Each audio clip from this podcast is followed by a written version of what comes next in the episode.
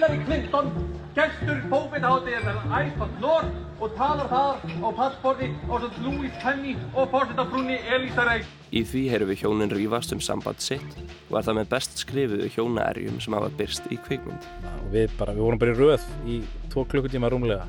En svo bara snúið við og ég sé það á Facebook að fólk er verulega ósátt. Grindvikingar í byðstöðu, afsagnir vegna gasa og fallið er hátt. Ég heiti Lóabjörg Björnstóttir. Og ég heiti Kristján Guðjónsson. Þetta er lestinn 20. november.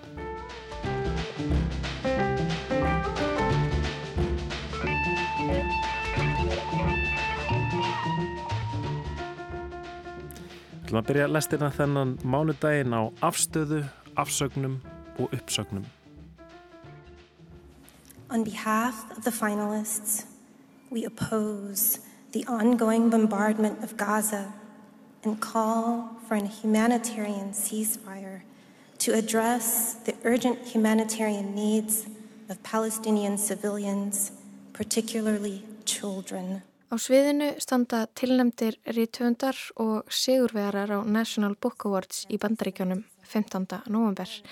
En þau notuðu sviðháttérinnar til að mótmæla sprengja árásum á Gaza og kölluðu eftir vopnalíi.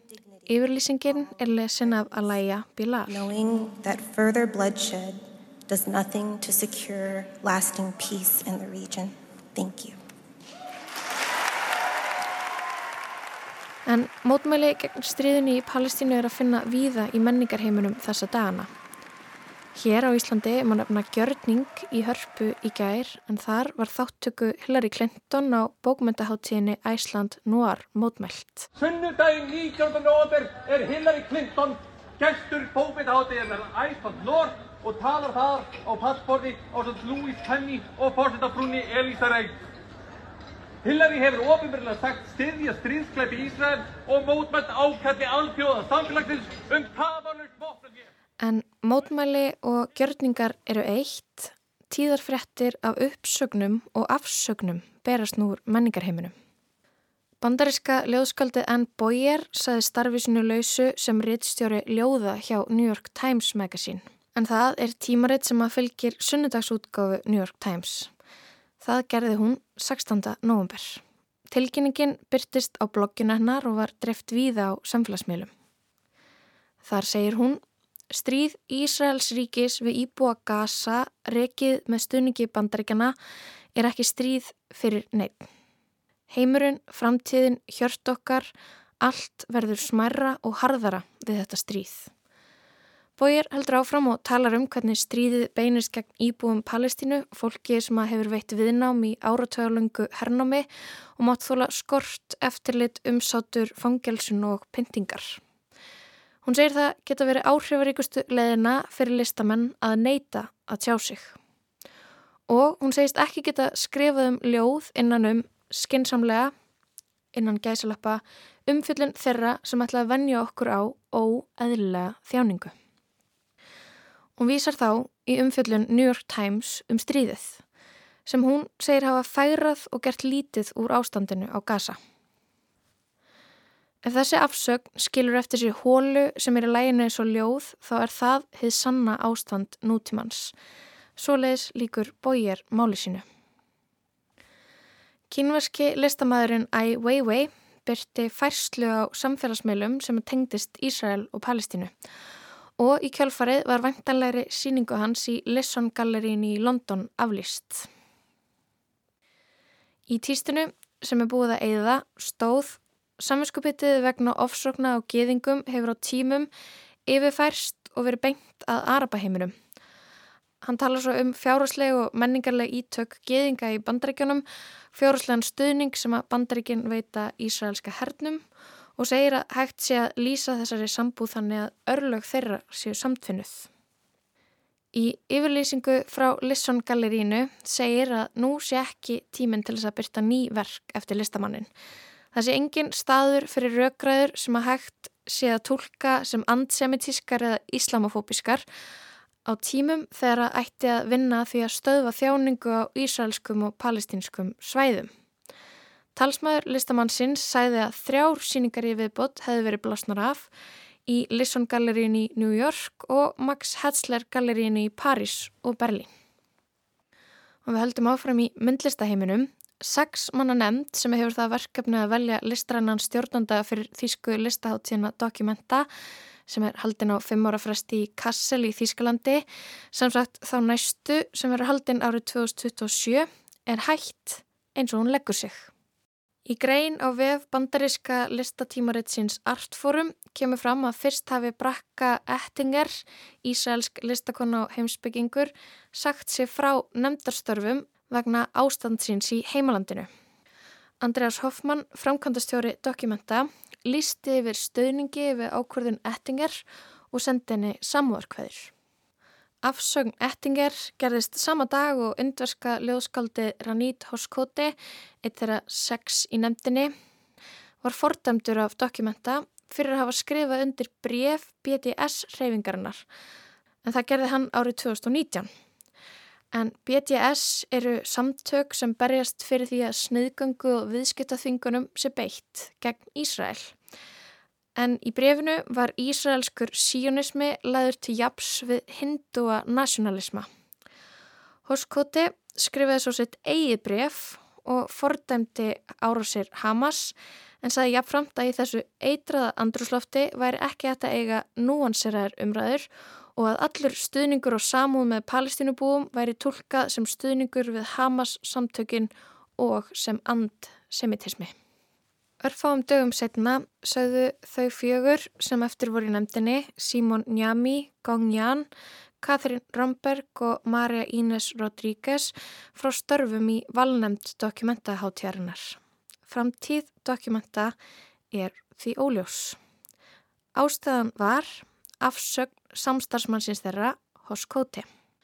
Og þau sögðu í yfirlýsingu sinni Ef list á að taka til greina þann flókna menningarlega, pólitíska og samfélagslega raunveruleika sem til staðar í samtímanum, þá verða að vera rétt skilirði til staðar fyrir ólík sjónarmið, ólíkan skilning og umræður. Hópurinn segist vera fullur efasemda um að slík skilirði væri til staðar fyrir komandi dokumentaháttíð í Þískalandi. En þessi átök og ósætti innan skipulagsdeldar hátjörnar eru ekki nýjaf nálinni. Listræni stjórnundur dokumenta 15 sem að haldin var í fyrra, indonesíski listahópurinn Rúan Grúpa, voru sökuðum að leifa síningu og andsemitískum verkum á hátíðinni. Og atbúrrásin í dokumentamálunu er því í raun mun flóknari og hér er verið að stekla á stóru. En frá þessu öllu er greint í artfórum virðulegu bandarísku listatímariti. Og talandi um artfórum, þann 20. oktober byrtist þar yfirlýsing 8.000 listamanna. Og þar stendur við steyðjum frelsisbartu Palestínu og köllum eftir því að hægt verði að myrða og skada alla almanna borgara. Gert verið tafarlaust vopnalið og að veitendum mannúðaraðstöðar verið leift að fara inn í gasa og að samsagt yfirvalda í mannrettindabrótum og stríðsklæpum ljúki. Opna brefinu var svo svarað með öðru opnu brefi artforum þar sem þrýr listamenn fordæmdu brefið og sögðu það ekki taka inn í myndina gíslatökuna og árás Hamas þann 7. oktober sem hefði verið blóðasti dagur í sögu geðinga síðan í helfrinni. Rittstjóri artforum David Velasco skrifaði undir fyrra brefið það sem stutti frelsesbortu Palestínu og var í kjálfarið rekin. Velasco segist ekki sjá eftir neinu en er vonsvikinn. Tímaritt sem hefur alltaf staðið fyrir málfrælsi og rött listamanna hefur beitt sig fyrir utanakomandi þrýstingi. Fjórir starfsmenn Artforum hafa í kjölfarið sagt starfi sinu lausu vegna ákvarðarinnar um að reka Velasco.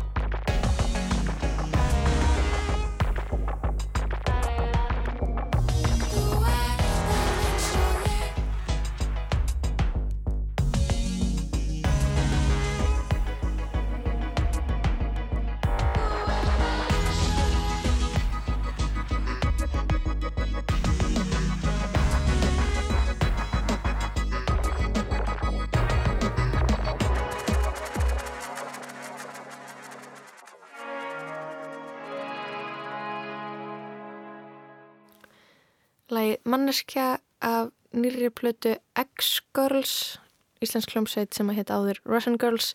Þetta er lag af nýrri plötu sem kom út á förstudaginn sem að heitir Verk. Ég mitt. En Lóa, í þessari yfirferðinni yfir um, afsagnir og uppsagnir tengdar uh, Ísrael og Hamas stríðinu á Erlendu vettvangi, já, þá komst ekkert hérna heima því að núna um helgina þá, þá var afsögn vegna málsins eða svona einhvern veginn á, tengdan eða ótengdan hátt, ég veit það ekki alveg. Auður Jónsdóttir, og sem hefur verið að, rithstýra menningar hluta heimildarinnar hún uh, setur, út, setur út fæslu á Facebook þar sem hún byrjar sko, ég axla ábyrð, ég ætla axla ábyrð og, og sem sagt lýsir því yfir og hún ætli að segja af sér sem, sem rittstjóri um, menningar hluta heimildarinnar og þetta er einhvern veginn svona mm, tengist á einhvern hátt umræðinni um Æsland Noir hátíðinni, hátíðina þar sem Hillary Clinton var gestur og, og, og e, tugir rithöfunda e, ákveða sniðganga hátíðina þess vegna, vegna hennar afstöðu til, til e, stríðsins í Gaza e, vegna, já, og mótmæla gegn, gegn vop, vopnarliði. En ég skil ekki alveg af hverju auður ákvaða að taka þessa ákverðin sjálf. Eh, hún, hún, var, hún var búin að tala gegn um, sniðgöngur í töfundana, auður. Auður sem sagt var búin að tala fyrir um, því að bókmyndaháttíður séu vettvangur um, þar sem að ólíka rattir fá að heyrast, þar sem að maður er ósamála hérna næsta ræðumanni. Um, fekk mig mikil hérna, mikla gaggrinni fyrir þetta á Facebook þræðinum þar sem hún lísti þessu yfir. En af hverju er hún að á hverju er hún að axla ábyrð? Mm, ég mitt, sko, ég, þetta er góð spurning, ég held að það séu, ég held að það sé flókið, ég held að það séu margir þræðir í þessu og ég held að það sé alls ekki bara eitthvað eitt, ég held að það sé alls ekki bara hérna, umræðan í kjölfar Æsland núar, hún er að vísa í margar hluti og vísar í rauninni kannski aftur í kultúrbarna umræði sem, sprattu upp í jólabokaflóðinni fyrra þegar að auður Jónsdóttir var gaggrinn fyrir svona til dæmis val og viðmálendum og svona hver fókusin væri í bókablaðinu og talaði um kannski tengsl hennar inn í Íslands menningarlíf og, og, og það, það er kannski elitustimpilin sem hún er að vísa til. Hann, hann kom kannski líka aðeins fram í þessari umræðu að það, það var verið að saka um að vera að verja sinn vinahóp Aha, af því að vinir hennar eru er eða, eða vinur eða vinir eru einmitt. standa að hátíðinni Ok, ég skil. og, og svo var eitthvað annað líka sem var svona að það var eins og að væri svona líka kannski kynnslóðaskipting innan, eða einhver svona munur á afstöðu kynnslóðana í þessum átökum og mér þá kannski akkurat þessi setning sem að ég hérna, ég hjó eftir það sem að auður segir, ég held að menningarheimurinn sem ég er alin upp í sé að líðandir lok og það þurfi nýjar manneskjur til að endurmóta hann. Manneskjur sem eru ekki með hlaðið bakland heldur nýjar rattir þannig að svona, þetta er einhvern veginn enn eitt þráðurinn sem að útskýrir þessa afsögn.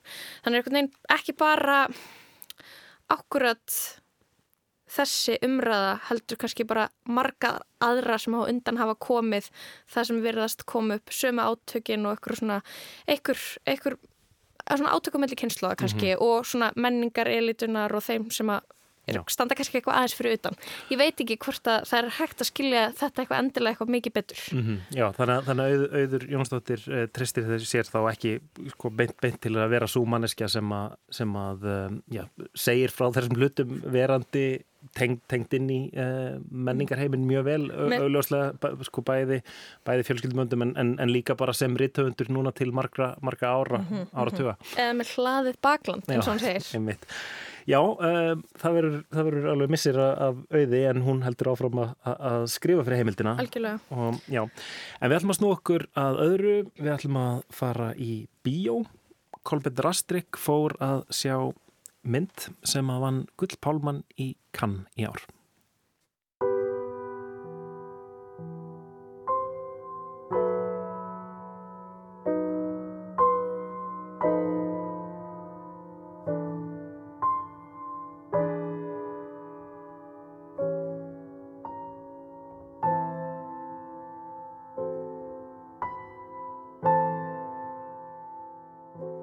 Anatomy of a Fall, eða Fallið er hátt, er nýjasta kvikmynd franska leikstjórans Justine Triet.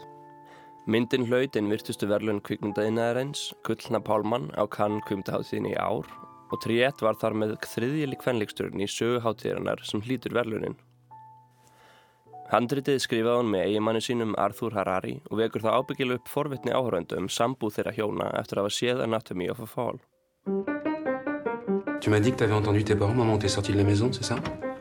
En fait, j'entendais pas vraiment les mots, j'avais que des bouts de voix, mais ça Ah bah faisait. oui, mais non, enfin, si t'avais pas les mots, du coup, tu peux pas savoir si c'était une dispute ou pas. Enfin, je sais, je sais ce que j'ai entendu. So, as you know, the autopsy report is uh, inconclusive about the cause of death. Stop. I did not kill him. That's not the point. Myndin hefst á því að reythöfundurinn Sandra Voiter, leikinn af Söndru Huller, situr í stofunni sinni með vinglas í hönd og ung kona er að taka viðtal við hana um feril sinn. Allt í einu kveiknar á ærandi tónlist sem verðist eiga upptök sín á háaloftinu og það er heyra varla hvori í annari. Sandra greinir konu frá því að þetta sé maðurinn hennar, Samuel Maleski, sem sé að vinna á efri hæðinni og stingur upp á að þær gerir hlý á viðtalinu. Þær getið hist aftur við betra tækifæri og tekið upp þráðin. Konan fælst á þetta og fyrir að týja sig heim. Á svipuðum tíma fyrir 12 ára sonur hjónana, Daniel, leikin af Milo Machado Grane, út í göngutúr með fjölskyldundin Snoop. Þegar unga konan og Daniel fara úr húsinu sjáum við heimili fjölskyldunar að utan. Heimilið er fjallakofi úr timbri á þreymur hæðum í frönsku ölpunum og stendur afskektur í snæfi þaktri fjálsliðinni. Einhverju síðar sjáum við Daniel á röldi tilbaka heim og enn heyrist í hárið tónlistinni. Þegar hann kemur á framhlið húsins liggur þar fadir hans blóður í snjónum. Daniel fullur örvatningar kallar á móðu sína sem kemur hlaupandi niður til hans og ringir í neðilínuna. Form frásagnarinnar er í raun einfalt. Við fylgjumst með dómusmálunni í kringum þennan atburð en það reynir saksóknari að sanna að Sandra hafi banað manni sínum. Á sama tíma reynir Sandra á samt lögfræðingi sínum Vincent, leikin af Swan Orlod, að færa rauk fyrir sakleysi sínu og því að fall eigimanns hennar hafi raun verið sjálfsvík. Megin hluti myndarinnar á sér stað inni í þessum dómsal og fylgjustu með réttarhaldunum frá upphafi til enda. Við sem áhrandur vitum í raun ekki hvað gerðist og erum við þannig sett í spór kviðdómynda sem fylgjast með krypningu á sambandi og innra lífi hjónana, Söndru og Samuel. Það sem einkennir Anatomy of a Fall eru raunsæðislegar áherslur hennar. Fyrir það fyrsta er það leikurinn. Allir leikarar Anatomy of a Fall standa sér gífrulega vel og standa þar upp úr Sandra Hüllar, Milo Mazzato Grane og hundurinn Messi sem fór með hlutverk hundsins Snoop. Það að hundurinn sé talin upp er fúlast alvara.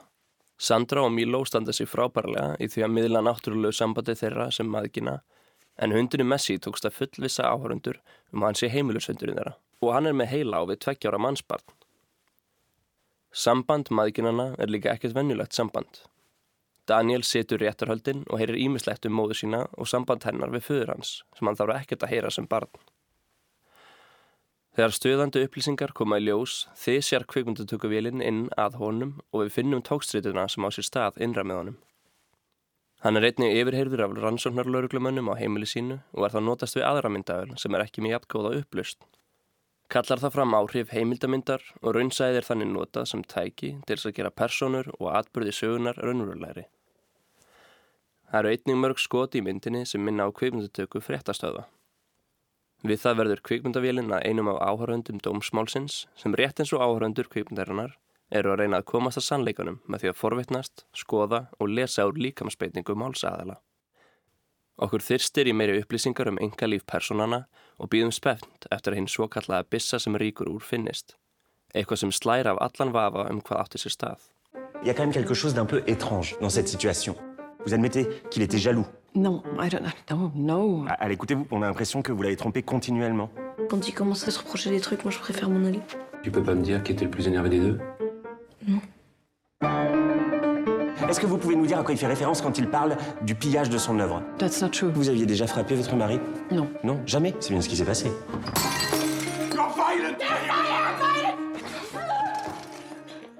Það sem að skilur Anatomy of a Fall frá öðrum morðuráðgátum eða húdanit eins og þeir eru kallar á ennsku er þó að áherslan er ekki minni á hvaða áhrif rannsóknin og ráðgátan hefur á manneskjöldar sem flækjast inn í hana.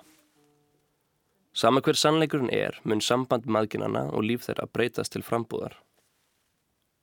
Sandra hefur verið bendlu við morð eiginmann síns og réttarhöldun hafa grafið upp ímsa vankanta á þeirra sambúð sem eru nú margir orðnir að almanna eign sem æsi fréttir. Frettaskýrandi yfir tar stættu um dómusmálið á meðan það stendur yfir, segir að sama hvað hafi átt sér stað í raun og veru, sé sagan um réttöfundin sem myrti einmann sinn mun meira spennandi en sjálfsvíg miðaldra kennara. Þessi setningi raun kjarnar Anatomy of a Fall. Málsaðilar, fréttamiðlar og við sem árundur býðum spennt eftir okkur sér sögð saga. En rétt eins og í lífinu er hægt að búa til sögur og narratív úr glundraða lífsins, sem við fullvisum okkur um að sé skipulæður og skilnanlegur. Eitt lengsta atriði myndarinnar er rifrildi á milli Samuel og Söndru sem átti sér stað daginn fyrir andlátt Samuel. Í því heyrum við hjónin rífast um samband sitt og er það með best skrifuðu hjónaerjum sem hafa byrst í kvikmynd. Í rifrildinu reyna bæði Sandra og Samuel að koma höggi á hvort annað með því að segja sína sögu eða narratífu um hvað sé að eiga sér stað í hjónabandinu. Gömul atveg sem henda sögunni eru dreyin upp úr svaðinu og sett í samingi við narratífuna. Hinn aðilinn málar þó aðra mynd af þessum aðtökum og setur þau inn í aðra sögu sem hendar þeim.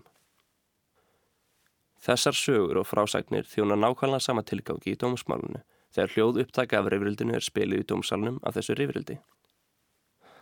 Sagsóknarinn og verjandin segja hvorum sig ákveðin atriði stiðja sína tilgátu sem er römmuð inn í sögu þeirra af atbyrjunum þennan örlæðrika dag. Öll sambönd og lífið sjálft er flókið. Anatomy of a Fall segir áhraundum ekki að líta frá því sem verðist vera slæmt í sambandinu, heldur staldra við og hugsa um báðar liðar. Sálfræðingur Samuel er kallaður upp sem vitni og segir hann hafa kent söndru um margt sem miður fór í lífi sínu. Sandra skýtur þá tilbaka að ef hún hefði farið til sálfræðings og hann var í kallaður upp, hefði hann ábyggilega sama að segja um Samuel. Myndin veltir þannig fyrir sér hversu vel við getum í raun þægt sambönd annara út frá brotum úr þeim. Það getur vel verið að það sem heyrist í rifrildinu sé kapli í starra vandamáli en hvernig rifrildi er rammað inn fyrir algjörlega eftir því hvernig sagan er byggð upp og af hverjum. Dómskerfið fær umsjónarkonu á sínum snærum til þess að vera með hinnum unga Daniel þegar hann er heima hjá sér. Það er gert á meðan ferlinu stendur til þess að koma í veg fyrir að neitt geta haft áhrif á hann sem vitni. Daniel, sem nú er farin að sjálfur efast um hlutverkmóður sinnar í döðsfelli föðu síns, spyr umsjónarkonuna Marge gráðinær hvað hann geti gert. Marge segir honum að hann þurfa að ákveða hver hans saga og narratíf er. Þó að hann get ekki verið algjörlega fullisum hvar hann hefur móðu sína þarf hann að geta trúa sögunni sem hann segir sér og það sem meira er lifað með henni. Áhörfundur á sama skapi búið til sitt eigin narratív og eigin sögu við áhörfið.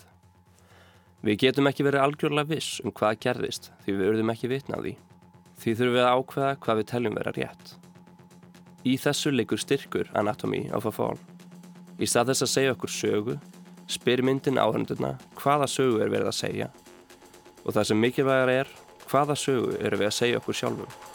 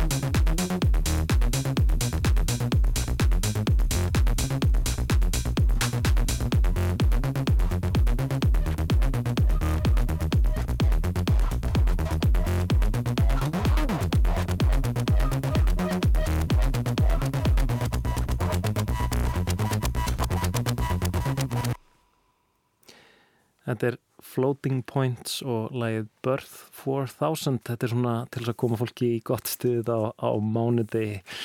Um, Kolbjörn Drastrik fjallaði um myndina sem að fekk Gullpálmann í Cannes um, hún heitir, uh, hvað kallaði hann á íslensku? Fallið er hátt. Fallið er hátt um, og heitir á ennsku Anatomy of a Fall um, og er sínd í Bíóparadís. Þú fórst að sjá þessa mynd helgina? Já, ég fór að sjá hana og ég tek undir með kolbinni um, eiginlega bara svona já, átakanlegasta og best skrifaðasta hjónarifrildi mm. í bíómynd sem ég hef séð og ég held að ég og fleiri höfum svona farið út í bíó og bara þetta var tákrætt, það var að sína okkur tákrannan dauða hjónabandsins wow. sko. þetta var, var svakalegt sko. sem stoppunar bara já, hún, já. þetta er góð mynd já, já uh, Kolbeinn uh, segir að þetta sé bara eina ein myndum ásins sagði okkur það hérna mm. uh, baksviðis baksviðis En við ætlum að halda til grindaugur, við ætlum að halda áfram að heyra dagbækur grindvikinga sem að hafa núna í tíu daga verið eh, flótafólk í eigin landi, fólk sem hefur ekki mátt fara heim til sín, vera heima á sér eh, og er að vennjast nýjum veruleika.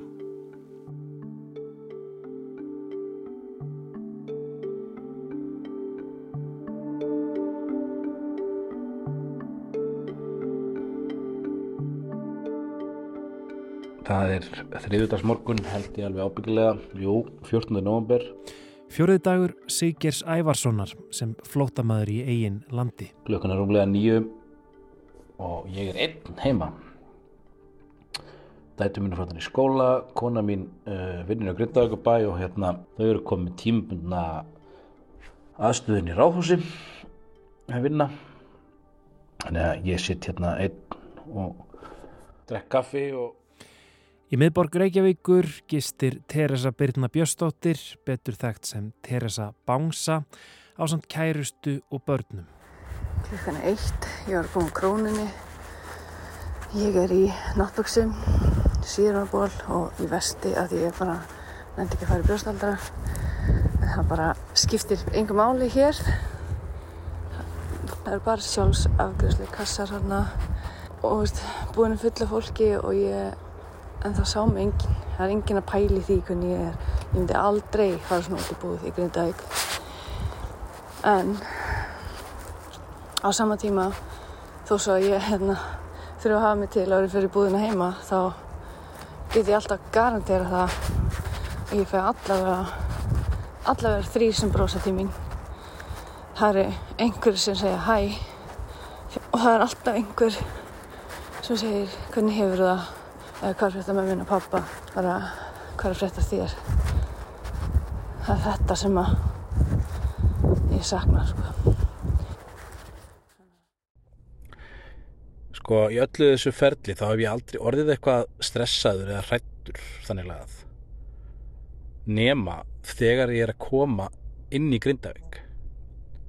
Í gær þegar við vorum að bara þegar við vorum að keira þetta tók náttúrulega ógulega langan tíma þá fann ég svona hvernig hérslátturinn hraðaðist og andadrátturinn stittist og ég byrjaði svona eiginlega að naga neglunar sem ég, ég naga samt ekki neglunar sko. Kona minn tók eftir þessu, nefndi þetta ég sagði að ég hefði verið að frík út ég hefði örgulega, ef ég væri óröglegri þá hefði ég örgulega fengið svona panikatakk og ég fann þetta aftur hella stiðið minn og rétt á hann og að því að nú, núna að fara til grindaðugur þá, þá raungerist þetta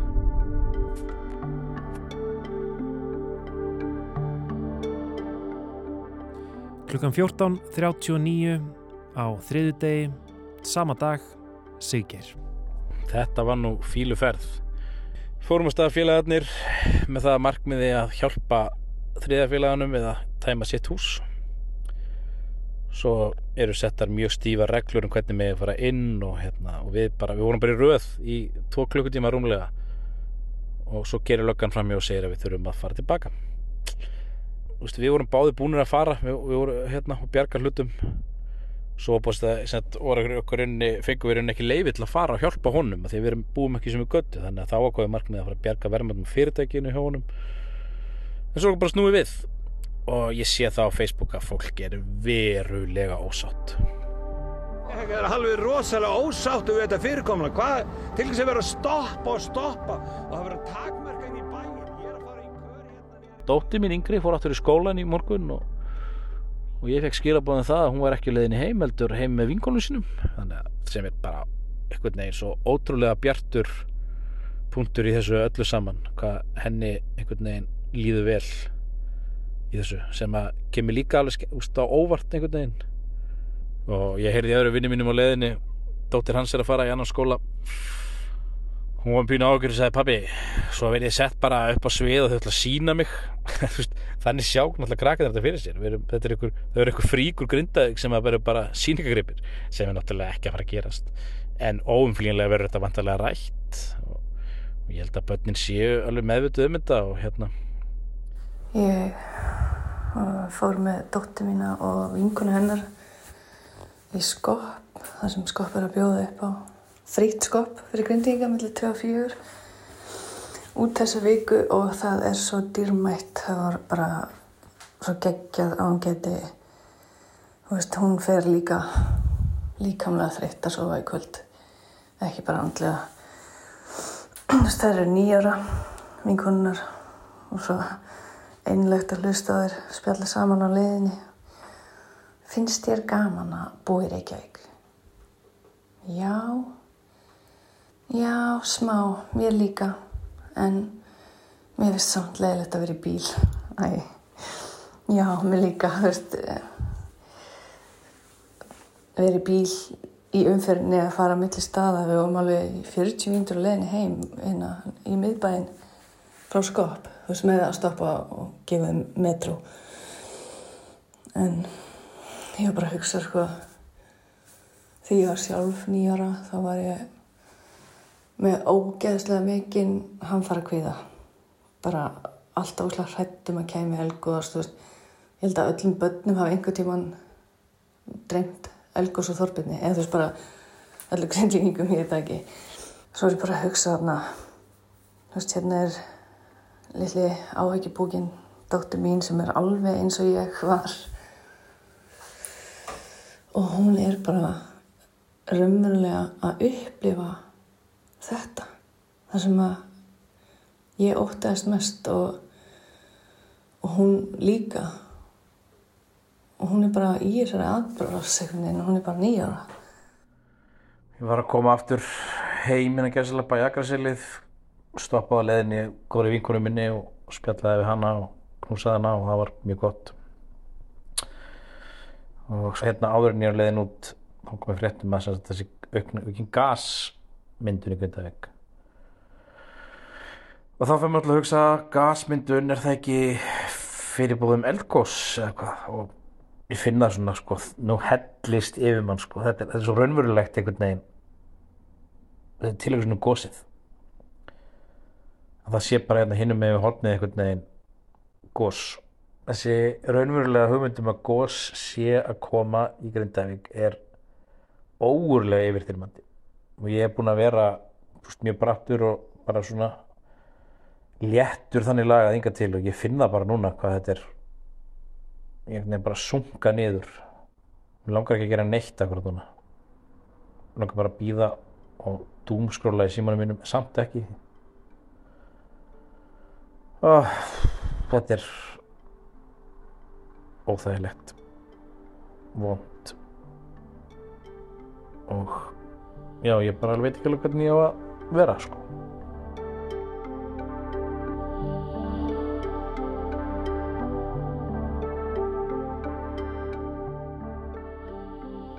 Jæja, það er 50. 16. november, klukkan er rúmlega 12 á hátegi. Dagur 6 frá rýmingu, Siggeir drekkur morgunkaffið. Svona íhuga hvað er að gera í dag. Fyrra kvöld enda á því að það sem sagt kvistast út að vera að byrja að gjósa. Og ég trúði einhvern veginn ekki eigin augum. Fór beint í vefmyndavélunar og sá, jú, einhvern svona rauðan díl ofalíði bænum en spólaðist til baka og sá að þetta voru jóluljós. Það voru allir búin að heyra þetta, það var búin að byrja að gjósa, það var bara komið nett panik í gang. Fólk er á nálum og fólk er að býða eftir því að byrja að gjósa. En raunin bara að býða eftir að þetta klárist. En gerðdagurinn fannst mér vera góður að mörgu leiti. Þetta var svona fyrsti dagurinn, veit ekki hvað það var, sem ég vaknaði og ég fann fyrir einhver svona bjart síni. Mér langaði bara að hlusta á einhverja svona uplifting, skemmtilega tónlist og gerði það og svo fór ég úst, að fara erindastýmislegt og, hlustaði hérna á System of a Down og öskraði með þá, þá mælum með því. Aðeins bara öskra bara í blínum hleypa þessari tilfinningum einhvern veginn í. Svo fór ég á fundið í kennararsambandi og það var ákveðin geðstæðing í gangi og samkennara mínu sem að voru að komast í húsin í fyrsta skipti og leið auðvitað ekki vel. Það heyrði ég líka fleiri húsum sem veru ónýtt og maður er alltaf að heyra meira og meira af ónýttum húsum.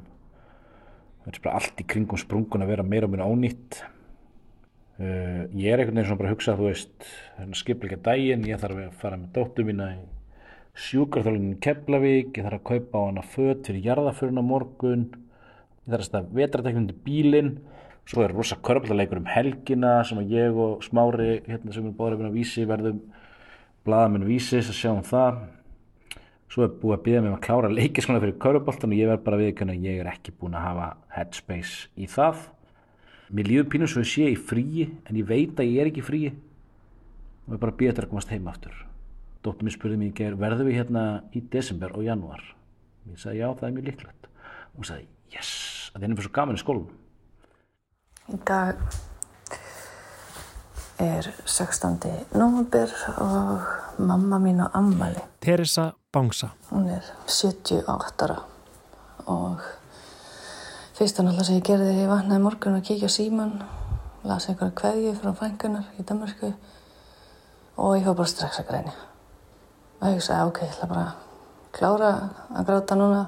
Það er dagur 6 sko og ég er ennþá með svona skjálta ég var skelf bara inn í mér ég, og hitti ótrúlega marga gerð sem að upplöfu nákvæmlega sama og einn sagði við mig í skop bara að ég held að all grindaðeg sé bara í hún að sengu hvernig grátri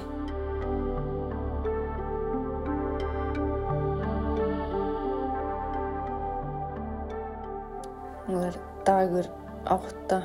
18. november Það voru ótrúlega margir á grindingar sem ég sá bæði á Facebook og Snapchat sem að voru að elda í fyrsta skipti í gær þess að degi 7 eða 8 veist, og líka það sama á við um okkur veist nú er kærasta mín uh, vinnur sem kokkur á, á veitingahúsi í Grindavík á Saltarsunu sem er sem er ónýtt núna en hún er ekki fara þangað mjög líklega ekki eftir. Þó svo þetta sé svona hennar hann er alltaf eldandi með þess að þegar hann kemur heim úr vinnunni og kvöldin klukka nýju þá fer hann að elda samt. En það er bara hausin er ekki á og krakkarnir einhvern veginn það er bara ekkert eins og heima er, þó sem að risti brauð hérna í einhverju brauðrist það er bara öðru sér bræð á því og þeim finnst það vond, þeim finnst vatni vond Komið þið sæl. Bæði korruboltalið Grindavíkur leku í dag í söpvedeldunum í fyrsta sinn eftir rýmingu bæjarins um síðustu helgi.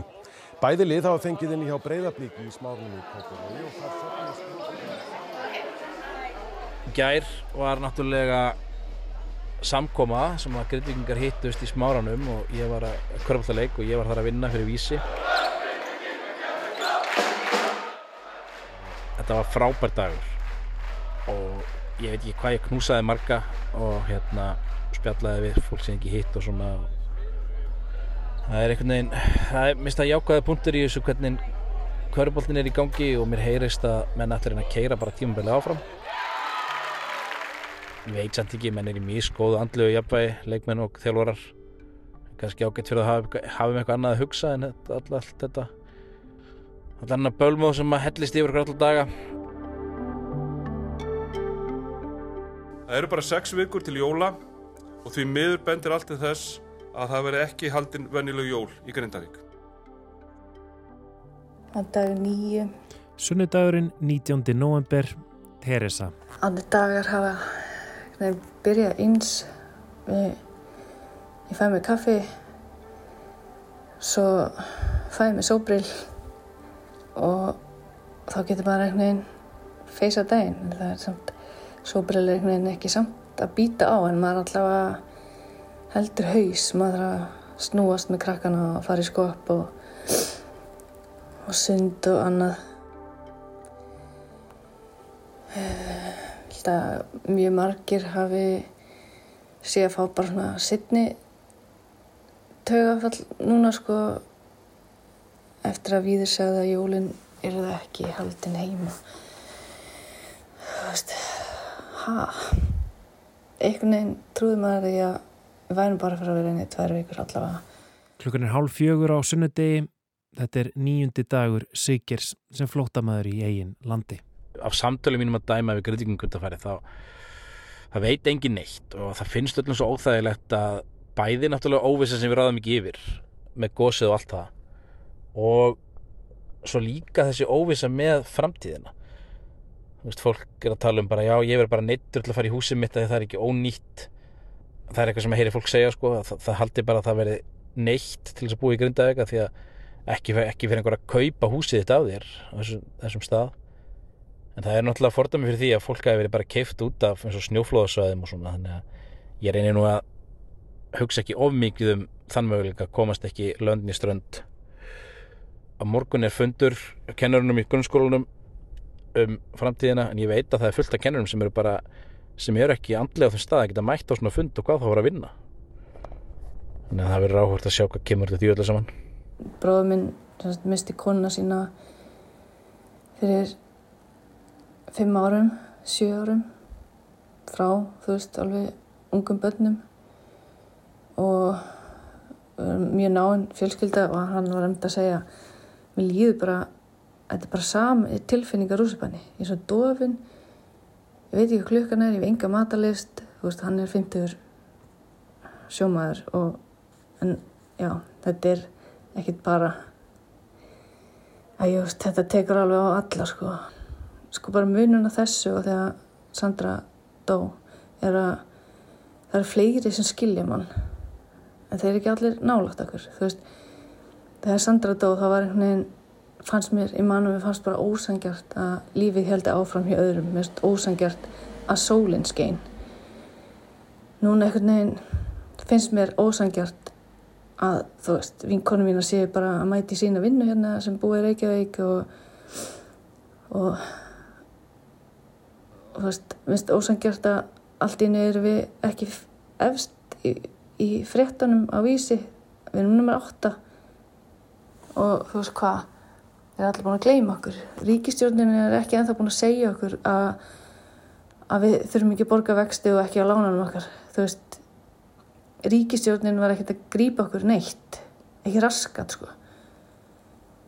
Það var bara fólki í landinu sem opnuði heimli sín fyrir öllu þessu fólki og er bara ótrúlegt hvað við erum sterk þjóð en ég veit ekki alveg með yfirvaldi þú veist, okkur er ekki búið að segja okkur að við þurfum ekki að borga á húsnæðin okkar? Við þurfum að borga leiða þar sem við erum. Þú veist, hérna er frænka mín og uh, uh, sýstir hennar að borga 600.000 mánuði. Núna er önnur flutt út og svo við getum verið hérna inni.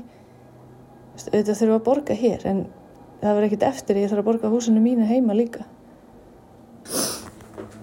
Æi maður er svona pínu að byrja að trillast inn í sér eins og sé enginn að hlusta sko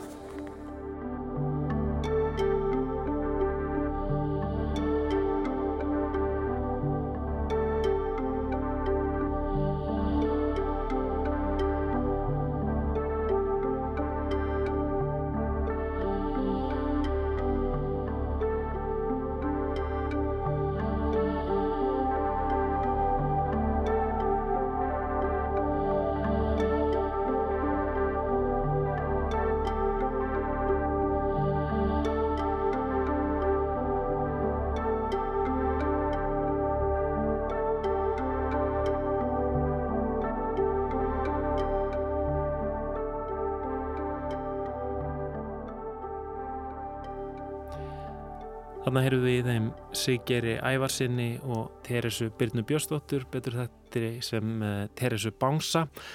Þakkum þeim aftur og innilega fyrir þeirra einlægu uh, hljóðdagbækur uh, frá hinnu undarlega ástandi sem að grindvikingar eru stattir í núna. En við ætlum að enda þetta á tónlist þennan mánudaginn. Hald okkur í svona smá partítónlist eins og aðan. Já, sko, það voru náttúrulega hvað fór helmingurinn af Íslandingum á Guðskust tónleika í Eldborg í Hörpu Já, um helgina nákvæmlega, Um, 200.000 manns. mhm, 200.000 manns uh, þarna, og mér, mér finnst alltaf áhugavert að fara á, á svona tónleika í, í sali eins og Eldborg Einmitt. og þarna, vera dansandi í kringum sæti sín ég skil ekki alveg af hverju þetta er ekki bara á stað þar sem er hægt að dansa út af því að það er þú veist, og svo sest fólk á milli og svo stendur það upp þegar það kemur upp á slægir og svo sest það aftur og svo, ég, ég veit ekki, ég, svona, ég skil ekki alveg pælinguna sko, þú veist, sérstaklega ekki með tónlist eins og guskus, myndi maður ekki maður myndi alltaf vilja að fara það sem Á- er salur, hreyfa sig. svæði til að dansa og dansgólf uh, já, mér finnst En- það merkilegt sko, en þetta bara það rókselst á þetta og Já, þetta- fólk var ánægt með þetta. fólk var mjög ánægt með þetta sko En já, við skulum heyra lagið When We Sing, þetta er af nýjustu plötu Gus Gus Dance-O-Rama sem að kom út bara held ég í síðustu viku eða þar síðustu viku. Endum lestina þennan móndaginn á því við Kristján og Lóa. Þakkum fyrir samfélgina. Tæknum aður var Lidja Gretastóttir. verið sæl